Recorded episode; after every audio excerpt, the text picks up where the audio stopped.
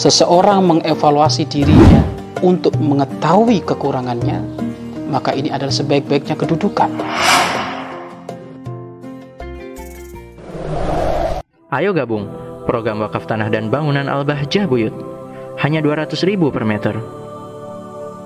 Bismillahirrahmanirrahim. Assalamualaikum warahmatullahi wabarakatuh. Alhamdulillah Al-Karim Al-Mannan Sallama ala khairil anam Habibina wa syafi'ina Wa kurrati a'yunina wa maulana Muhammad sallallahu alaihi wasallam wa ala alihi wa ashabihi wa tabi'ina lahum bi ihsanin ila yaumiddin. Amma ba'd.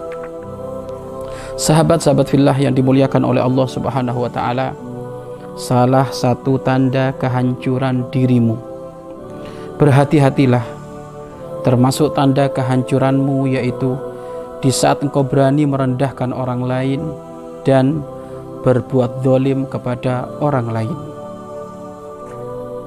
sahabat-sahabat fillah yang dimuliakan oleh Allah Subhanahu wa taala. Tanda seseorang berada di wilayah kehinaan. Hinanya seseorang itu adalah mukotimah kehancuran akan urusan siksa Allah. Kapan seorang itu akan hancur dan hina? Di saat dia sudah berani merendahkan orang lain. Kalau orang berani merendahkan orang lain berarti ada sifat kesombongan ada di dalam dirinya. Maka siapa pun yang sombong merendahkan itu berangkat merasa dirinya lebih hebat, sholatnya lebih banyak, kekayaannya lebih, merasa punya pangkat, merasa punya jabatan, sehingga yang tidak berpangkat tidak tidak punya jabatan, sehingga dia mudah merendahkan sewena-wena. Maka dia masuk pada wilayah kehancuran ini. Hancurnya apa? Artinya apa? Dia masuk kepada wilayah ia diintai oleh Allah dengan hukuman Allah.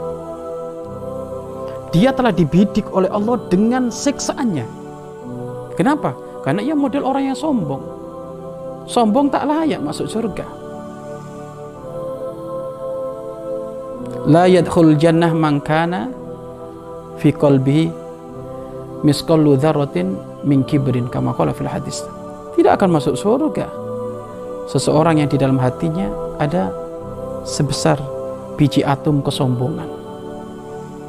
Biji atom kesombongan yang nempel di dalam hati kita sehingga buahnya merendahkan orang tidak akan mengantarkan masuk surga.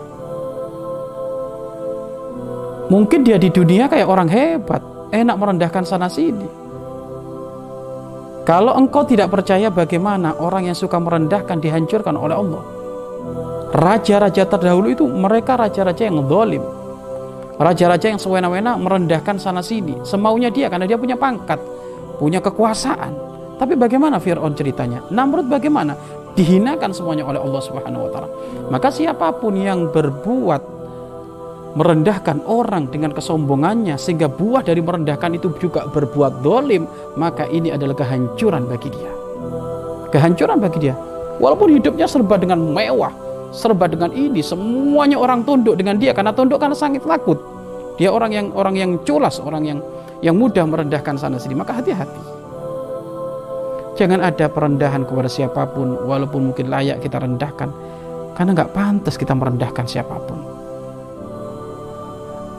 Baginda Agung Nabi Muhammad Sallallahu Alaihi Wasallam pribadi yang mulia yang tidak pernah merendahkan siapa pun.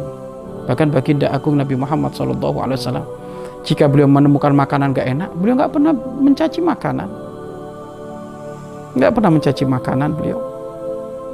Ketemu dengan musuh Abu Jahal pun beliau tidak pernah merendahkan. Yang ada malah kerinduan bagaimana Abu Jahal ini untuk agar supaya segera masuk Islam. Ya inilah cara pandang yang sesungguhnya itu seperti itu. Maka ayo kadang mentang-mentang kita sudah punya amal kebaikan punya ini punya itu kadang mudah. Maka kita itu memandang picik. Yang tahu hakikatnya seseorang itu mulia kan bukannya Allah. Yang tahu yang tahu hakikatnya orang mulia itu hanya Allah saja. Kita ini nggak tahu. Mungkin secara dohir memang dia adalah mungkin seorang pelacur, mungkin seorang penjudi, mungkin seorang pemabuk, tapi kita nggak tahu hakikatnya. Jangan-jangan dia lebih hebat daripada kita karena dia tobat. Nah kita ini yang merasa diri kita ini lebih hebat bisa jadi kita dihancurkan oleh Allah Subhanahu Wa Taala.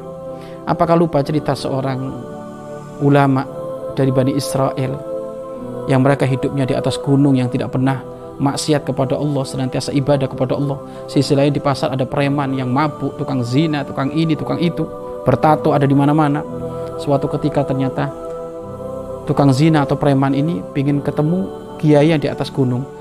Sisi lain juga kiai di atas gunung ingin turun, ingin belanja ke pasar untuk memenuhi kebutuhan sehari-hari. Sehingga di gunung kata jalannya setapak bertemulah mereka.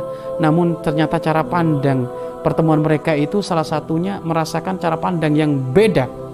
Bahkan sampai derajat merendahkan. Siapa? Ulama. Ulama ini menemukan orang yang bertato, menemukan sampah masyarakat tukang zina, tukang mabuk tadi.